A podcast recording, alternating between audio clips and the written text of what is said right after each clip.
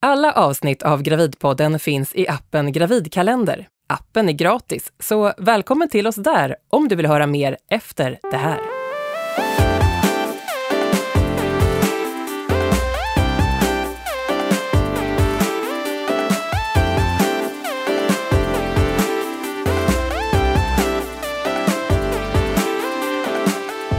När Jenny var i vecka 12 fick hon reda på att fostret i hennes mage var dött. Den glädjefyllda väntan på det så efterlängtade barnet förbyttes i ilska och sorg. I det här avsnittet av Gravidpodden från Babygruppen ska vi prata om missfall. Vi ska få höra Jennys berättelse och så har vi bjudit hit en gynekolog för att reda ut varför man får missfall och vad det kan få för konsekvenser. Jag som leder Gravidpodden heter Anna-Karin Andersson och vid min sida har jag som vanligt min kära sidekick Åsa Holstein, legitimerad barnmorska. Hej på dig! Tja! Och så jag tänkte vi skulle börja med att reda ut eh, själva begreppet. Eh, vad är ett missfall? Ett missfall är när kroppen görs av med graviditeten. Fram till den 22 graviditetsveckan brukar man säga. Eh, det kan ibland vara tabubelagt att prata om missfall, men när man väl kommer in på ämnet bland vänner och bekanta så, så är min bild att det, att det är ganska vanligt. Det är väldigt vanligt faktiskt. Ja. Ibland brukar jag fundera över att det är otroligt att det överhuvudtaget kan bli barn när det är så mycket som måste stämma.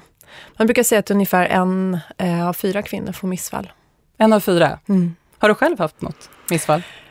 Ja, jag har haft såna här försenade menstruationer som har kanske varit tio till ja, nästan två veckor försenade. Där jag inte har tagit ett gravtest, men där jag har varit, haft de första graviditetssymptomen. Som jag tror har varit riktigt tidiga missfall.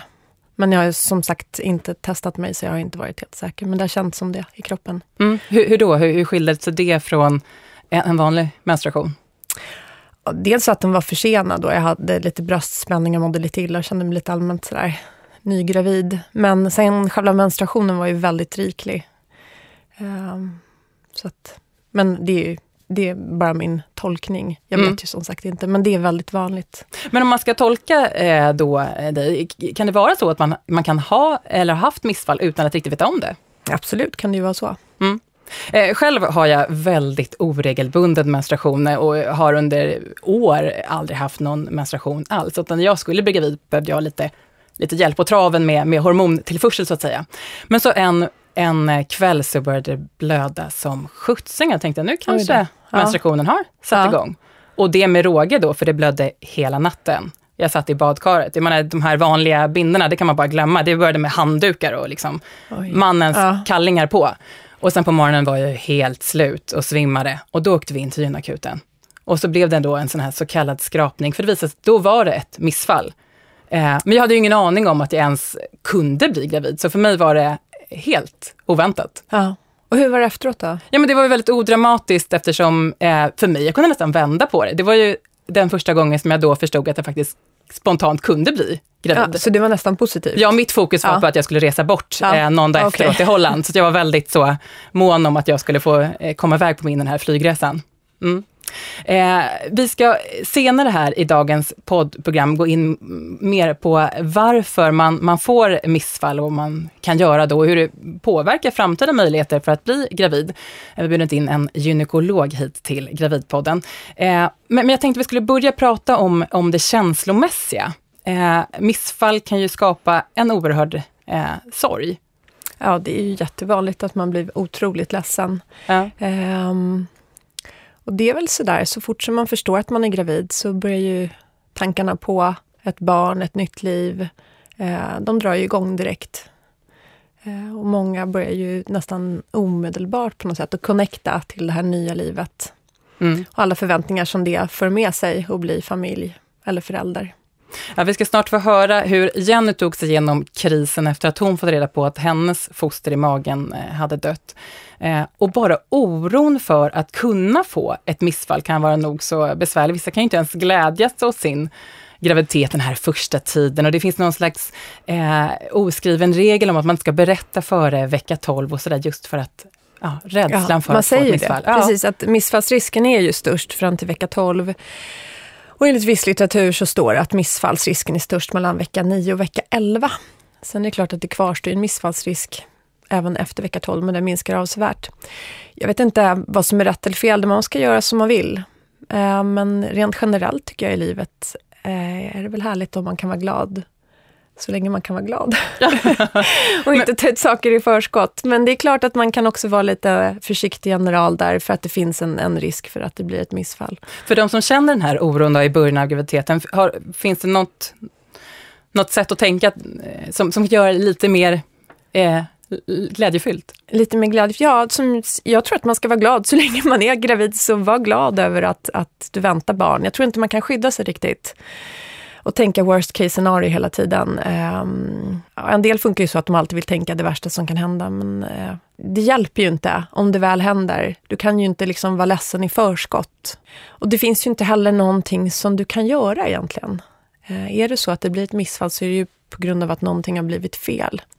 Det enda man kan undvika är ju alkohol, droger och tobak. Men annars kan man som kvinna inte göra någonting för att förhindra ett missfall.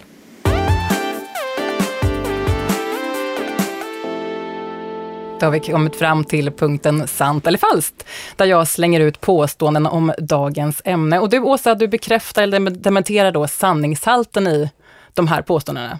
Är du redo? Så är vi, absolut. Ja. Sant eller falskt om jag säger, om jag haft ett missfall är det troligt att jag kommer få det igen? Det är inte större sannolikhet att du får ett missfall än en kvinna som inte haft ett missfall om du bara haft ett missfall. Man brukar säga att risken för att um, få missfall igen ökar efter andra missfallet. Så en gång, ingen gång, men två gånger, då kan man börja se ett Lite, litet mönster. Nej, man kan inte se ett mönster, men man har en lite förhöjd risk då, säger man. Eh, nästa påstående då, har jag klarat mig fram till vecka 12, ja då är missfallsrisken över? Det är den ju tyvärr inte helt, men den minskar avsevärt. Jag kan få missfall av att bada i bubbelpool, sant eller falskt? Så extremt osant. Men det brukar stå att man inte ska bada i bubbelpool som gravid. ja, men du får inte missfall av det. Du kanske kan få en infektion för att det är massa basilusker i vattnet, men du får inte något missfall av det. Om det är en frisk graviditet. Och får du ett missfall efter att ha badat i en bubbelpool, då hade du fått missfallet ändå. Om jag tar det lugnt, äter bra och är glad och utvilad, ja då minskar i alla fall risken för att få missfall. Ja, tänk om det vore så va.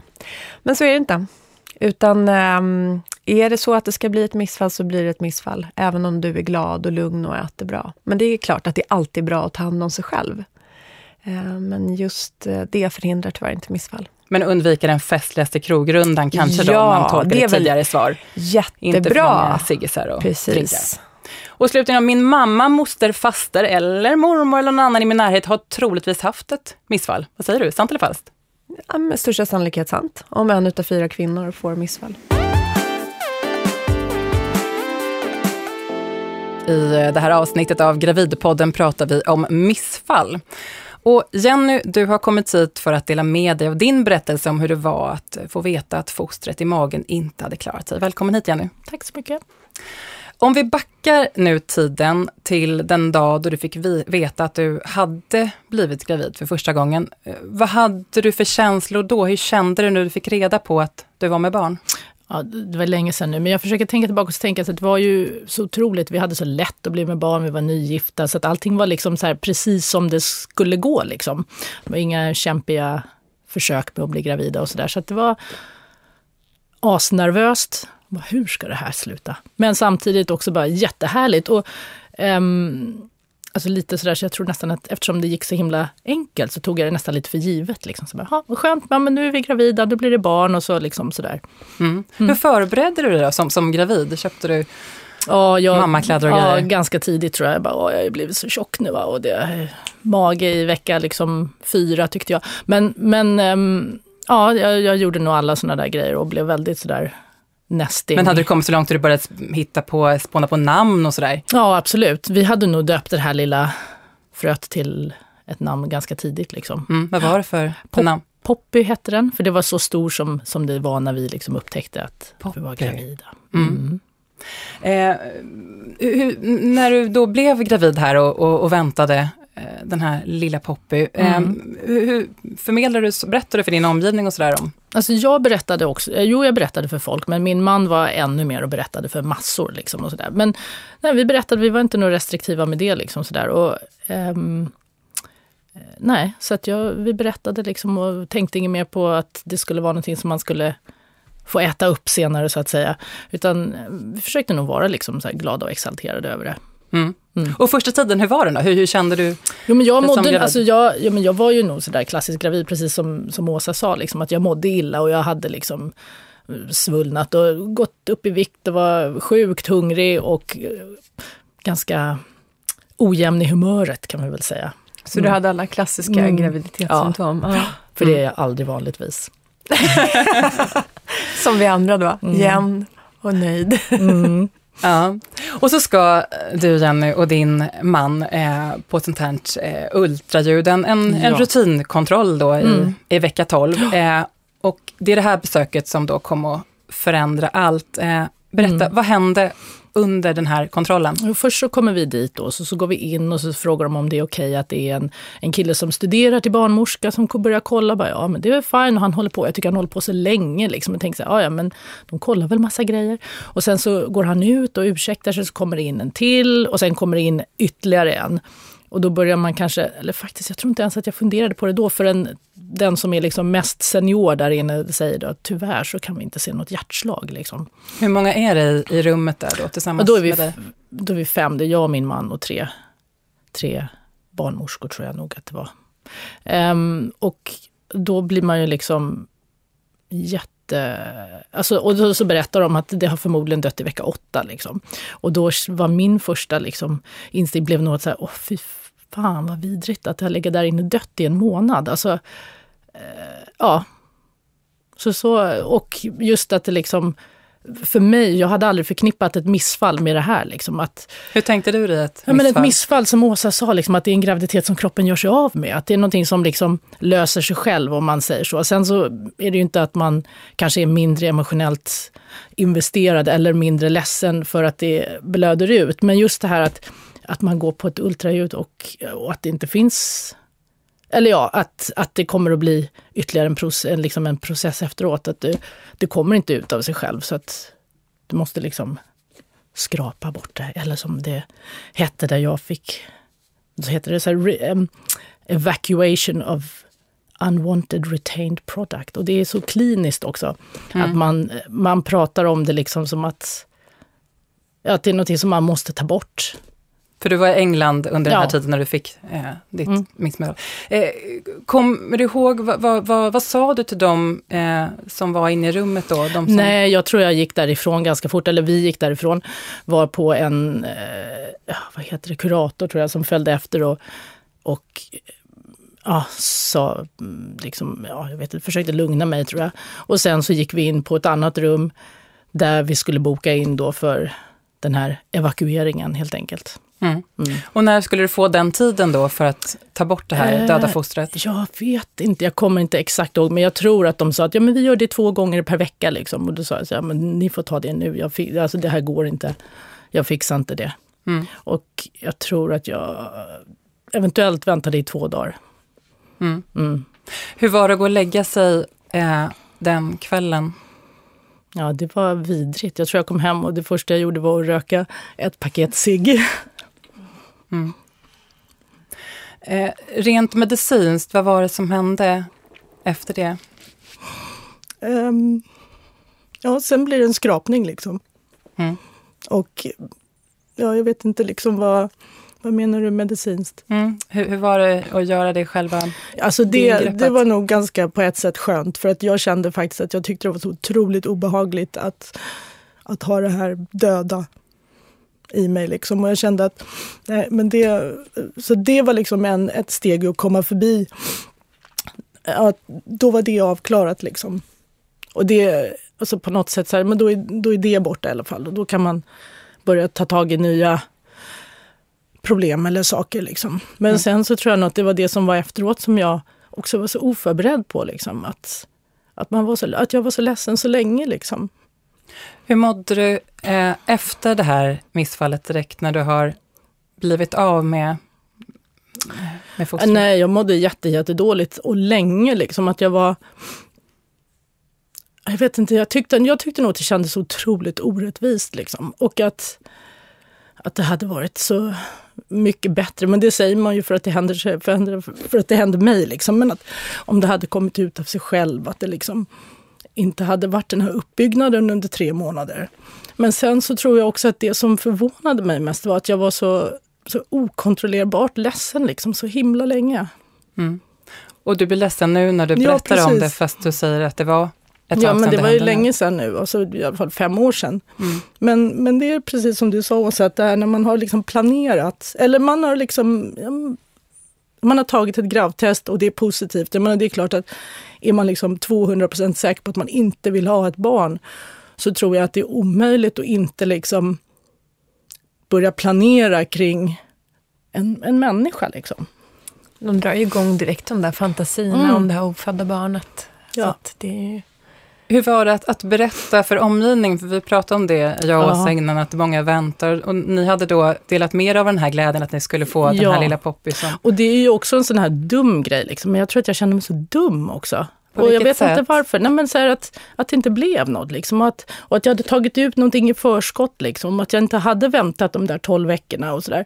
Men sen är det ju också där, men det vet ju jag också, att det kan ju hända när som helst. Det kan hända liksom hur sent som helst. Det finns liksom scenarion som är tusen gånger värre än det här. Men jag kände mig, nej jag tror nog att jag tyckte det var jobbigt. Jag tyckte det var jobbigt att man skulle höra av sig till folk. Liksom. För att annars, för det måste man ju också, annars så blir det ju liksom jättejobbigt när man ska ses sen då ett antal månader senare. Liksom. Så att, men jag sa, det där får du ta till min man. Du har talat om för flest, du får ringa runt nu. Och sen så isolerade jag mig, tror jag, ganska länge. Mm. Åsa, vad, vad, vad, tror du, känner du igen den här bilden att man lite grann nästan skuldbelägger eller gör sig dum, som Jenny säger, för, en, för att man har fått ett missfall?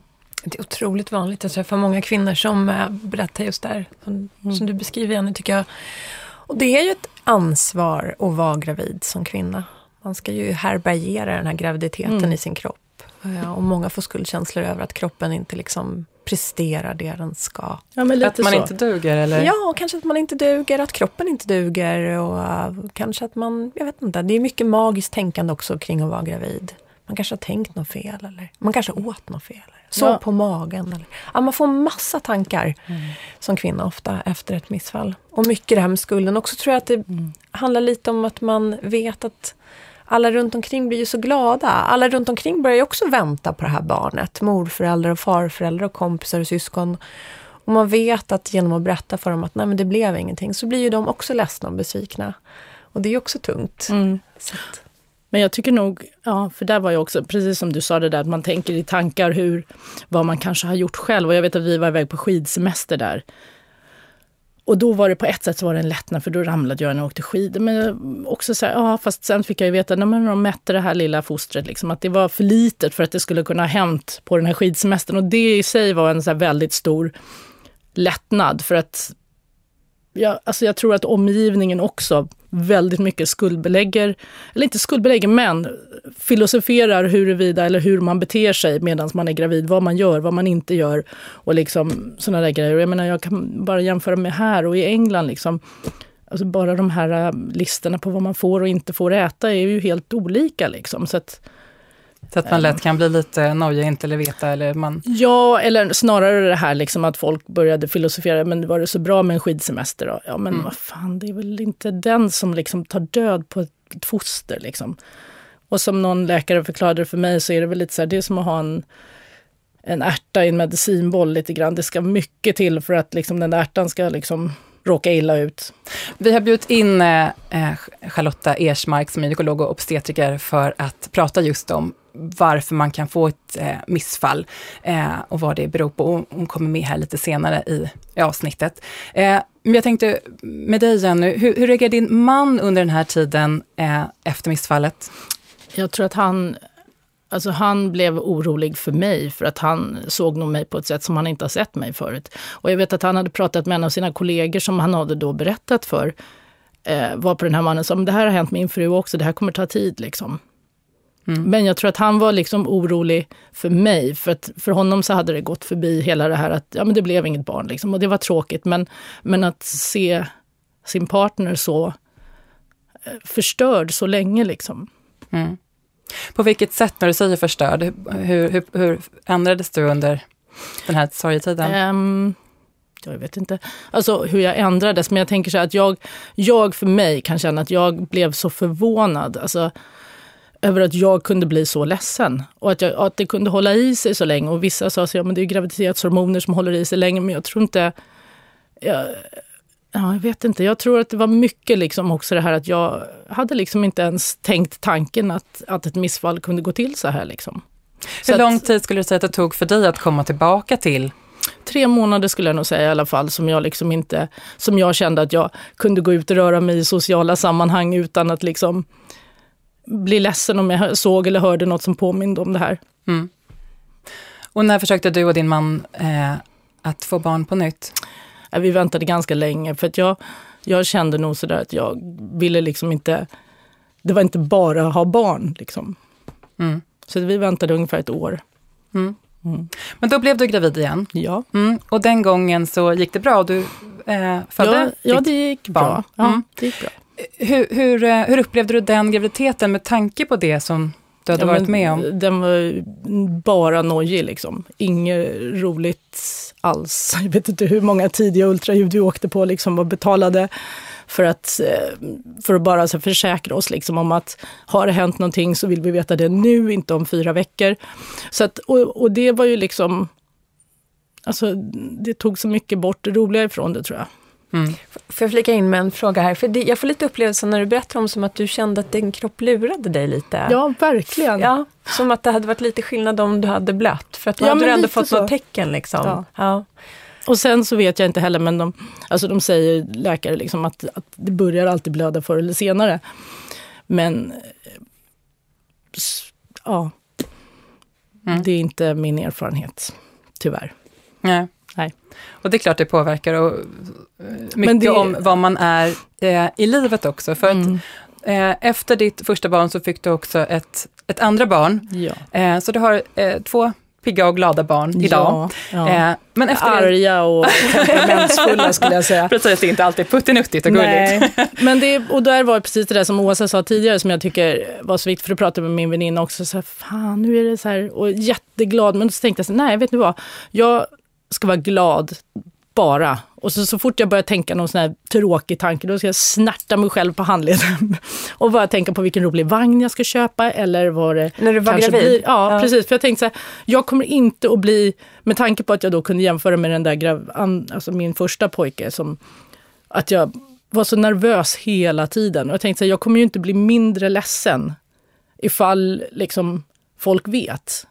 Mm. Eller, och det inte blir någonting. Och då kände jag så här, äh, men då kan jag, samtidigt så försökte jag styra mig själv lite, att jag behöver inte liksom gå ner i de djupaste djupa eh, och tänka de tråkigaste tankarna, utan jag kan liksom försöka styra om det till att ja, men jag tänker på vad vi ska göra när han kommer och och liksom sådana där grejer. Så Ytliga den andra graviditeten kunde vara glädjefylld för dig? Absolut. Och efter det, helt kort, så har du faktiskt varit med om ett missfall till. Precis. Eh, men, men, eh, men det kunde du hantera då på ett annat sätt? Ja, och det var också, ja verkligen, och det var, det var ju liksom inte planerat till att börja med. Eh, och där kände jag lite så här, ja okej, okay, eh, tre, det är ju skitläskigt, det är bara två armar liksom. Eh, och, jag, och sen så tänkte jag, så, men sen så tänkte jag så här, ah, men det blir bra vilket som. Liksom.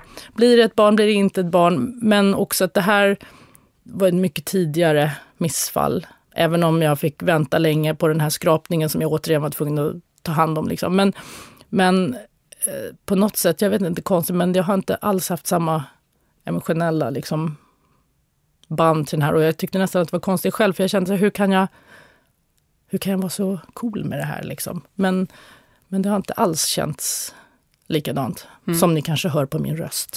Mm. Eh, slutligen, skulle du kunna dela med dig av några råd till, till andra som, som lyssnar nu på Gravidpodden som är oroliga för, för missfall eller som själva har varit med om det utifrån dina erfarenheter? Alltså det enda som jag kan tänka så här, det är väl liksom att, att ja, precis som alla sa till mig också, att det är ju inte ditt fel och man får vara precis hur ledsen man vill. Hur länge man vill. Tack Janne för att du kom hit och berättade.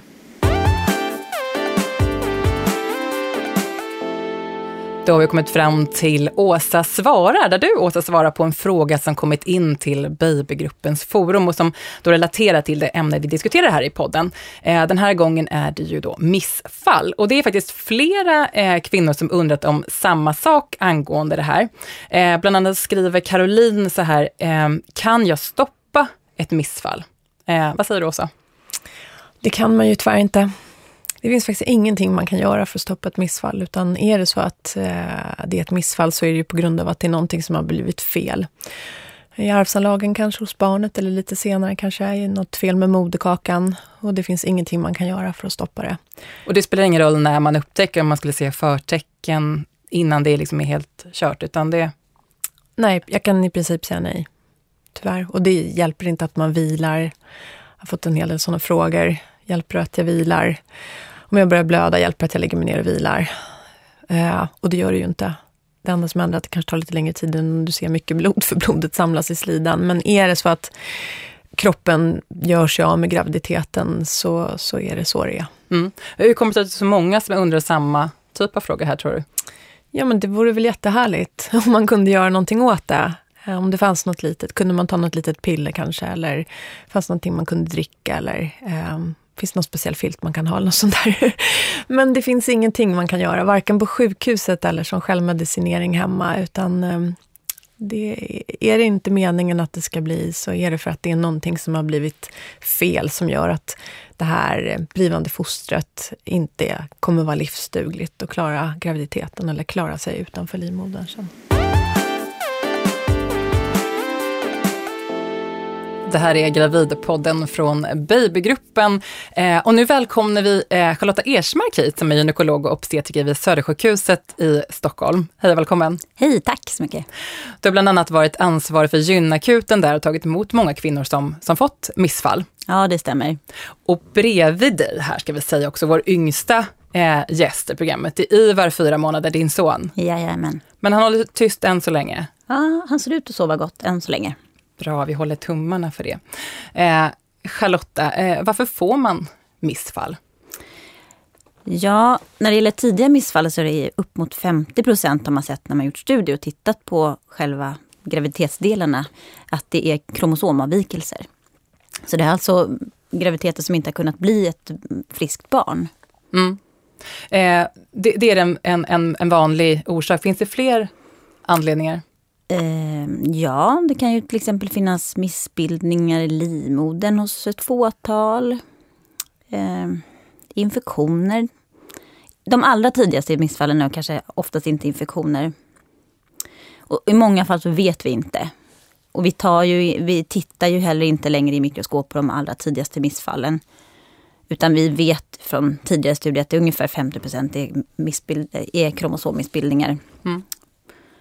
Vilka är det som får eh, missfall då? Ja, det är vem som helst, skulle mm. jag säga. Eh, det finns ju eh, nya studier nu som visar att, att man lite grann vänder på kakan och säger att de som har fått flera missfall också är mer fertila. Mm. Eh, berätta om, om de ja, nya rönen. Det, det som jag har förstått det handlar väl kanske också om de som får väldigt många, eller får flera väldigt tidiga missfall de här som blir missfall i kanske vecka 5-6, väldigt tidigt. Att deras livmödrar inte riktigt känner av att det här är inte ett, en bra graviditet, inte ett bra befruktat ägg, ett normalt, utan de låter det implantera i slemhinnan och sen så kan det inte fortsätta växa. När det i själva verket skulle varit så att den här eh, implantationen inte skulle skett alls. Så för andra då, om man förenklar om jag förstår det rätt, så kan det vara att man, det tar lång tid att bli gravid för, för vissa, samtidigt som andra har väldigt lätt för att gravida, eh, men att det då kanske inte funkar hela vägen, utan det blir ett, Precis. ett missfall istället. och särskilt tidiga missfall då. Mm. Jag och Charlotta har pratat om det lite tidigare, eh, när vi diskuterade det här, att nu finns det ju väldigt känsliga graviditetstest. Man kan ju testa sig för en graviditet redan innan förväntad mens. Eh, och det är ju fiffigt kanske, men det finns ju också en nedsida med det där tycker jag. Mm. Och det är ju precis de här, som Charlotta beskriver, de här väldigt, väldigt tidiga missfallen som blir, som jag också beskrev, en försenad mens kanske på 10, 12, 14 dagar. Eh, och jag kan väl tycka lite där att man som kvinna kanske ska vara lite rädd om sig. Jag, jag förstår ju definitivt den här graviditetslängtan. Men att testa sig samma dag som man skulle ha mensen eller till och med två dagar innan och dra jättestora växlar på testet. Eh, det är också en liten risk i och med att det är så många just sådana väldigt, väldigt tidiga graviditeter som slutar i missfall. Yes. Och är det inte så att om man har tre missfall eh, på raken så ska man göra en utredning, är det inte så det brukar vara? Eller är det jo, förlegat? precis. Jo, men det jobbar vi efter. Sen är det ju... Eh, det är inte så särskilt ofta vi hittar någon orsak till att det blir upprepade missfall. Och särskilt inte på de här tidiga, de som har haft tre missfall i vecka 5-6. Just det, det är det jag tänker. Ja. För att det är, liksom, det är så himla normalt. Det är så här kroppen egentligen ja. fungerar. Det är så många gånger vi egentligen blir gravida. Eh, fast det kommer ut som en försenad mens. Mm. Mm. Eh, märker man eh, innan att man kan få ett missfall? Finns det några förtecken? Ja, man kan ju få lite blödningar. Ibland kan det vara så att man har gått lite längre och hunnit börja må illa och känna sig gravid och svullen och öm i brösten och allt sånt. Så kan man känna att det försvinner. De graviditetssymptomen? Ja, precis. Mm. Och uh, ofta blödning. Mm.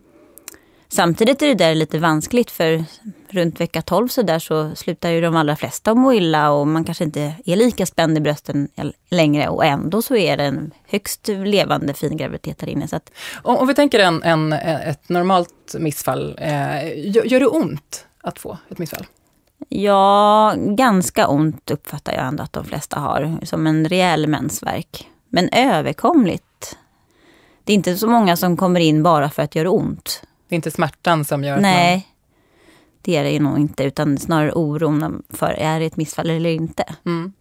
Nu är du gynekolog och obstetriker och möter de som faktiskt kommer eh, då till exempel till, till gynakuten. Men om, mm. om jag får ett, ett missfall hemma, måste jag kontakta vården då? Ja, det är en bra fråga.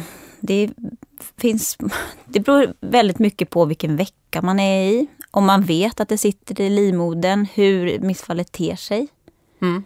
Ehm, verkar, får man, säg att man är tidigt gravid vecka fem eller sex, man får ont som en rejäl mensvärk och det kommer stora klumpar och så. Då tycker jag egentligen inte att man behöver söka sig till en gynekolog för att se att, att det är ett missfall. Men från vecka sju och uppåt, att man kanske bör ändå kontakta en gynekolog och få en koll. Bara så att man ser att det har avslutats ordentligt och också att man vet att det har suttit på rätt plats. Mm. När du säger på rätt plats, då menar du att det ska sitta i livmodern och inte som det gör i sällsynta fall i äggledaren, eller hur? Precis, ja. precis. Då är det så att, eh, för att inte oroa allt för mycket, så att i de fall det sitter i äggledaren så brukar man få väldigt ont på en, en, en eller andra sidan, på den sida som då graviditeten sitter. Mm. Och det kan vara några av de första tecknen, eller hur? Just smärtan, ja. ensidig smärta. Precis. Mm. Om man då kommer in eh, till, eh, till sjukhus eller till en, en gynekolog, eh, vad händer då i normala fall om, om det finns ett behov som sagt av att komma till mm. någon typ av vårdkontakt? Precis. Är det så att man inte får tag Antingen att man är väldigt orolig, har väldigt ont eller att man inte, absolut inte får tag på en gynekologkontakt lite mer planerat så kan man ju komma då till gynakuten. Och då hör vi lite kort om sjukhistorien och sen så gör vi ganska omgående ett ultraljud. För det är det som kommer tala om för oss om det är en normal graviditet eller om det är en icke-normal graviditet på något vis. Mm.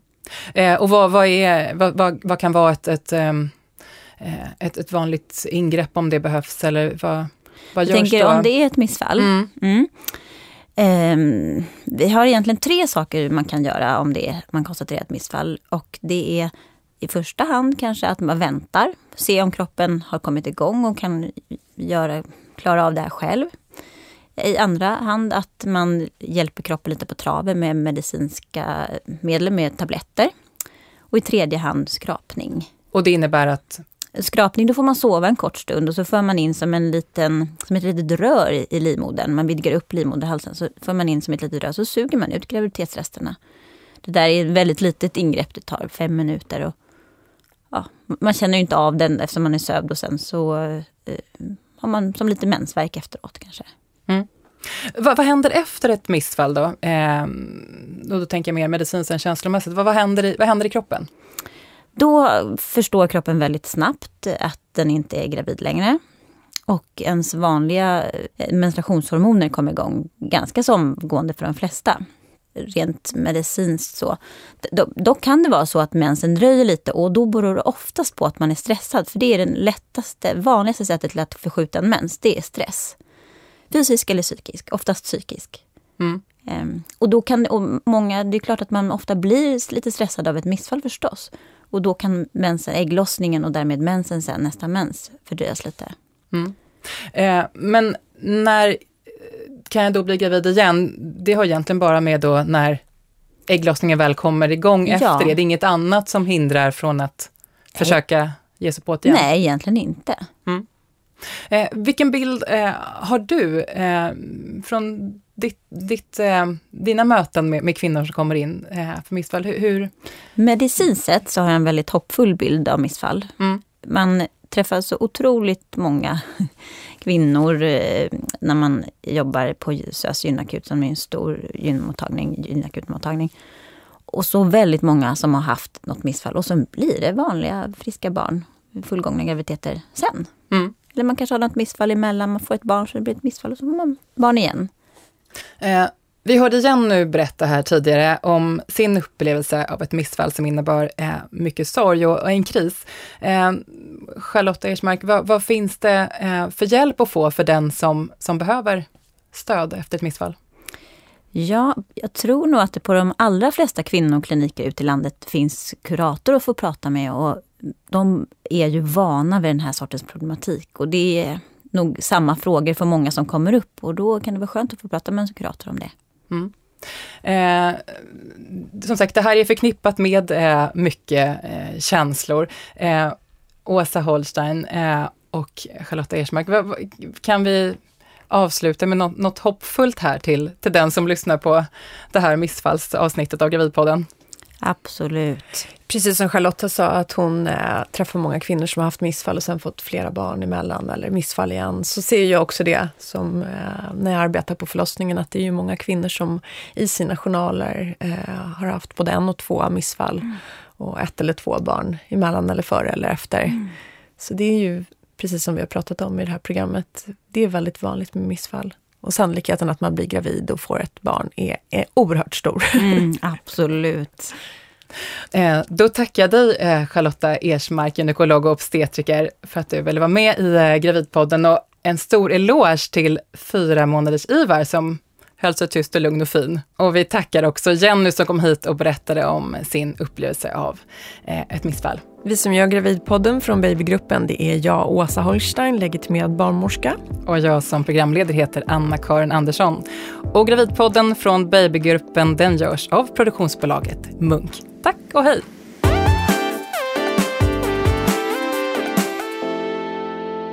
Gravidpodden finns i sin helhet i Babygruppens app Gravidkalender. Appen är gratis och du hittar den genom att söka efter Babygruppen på App Store eller Google Play. Ladda gärna ner appen så kan du höra alla avsnitt av Gravidpodden.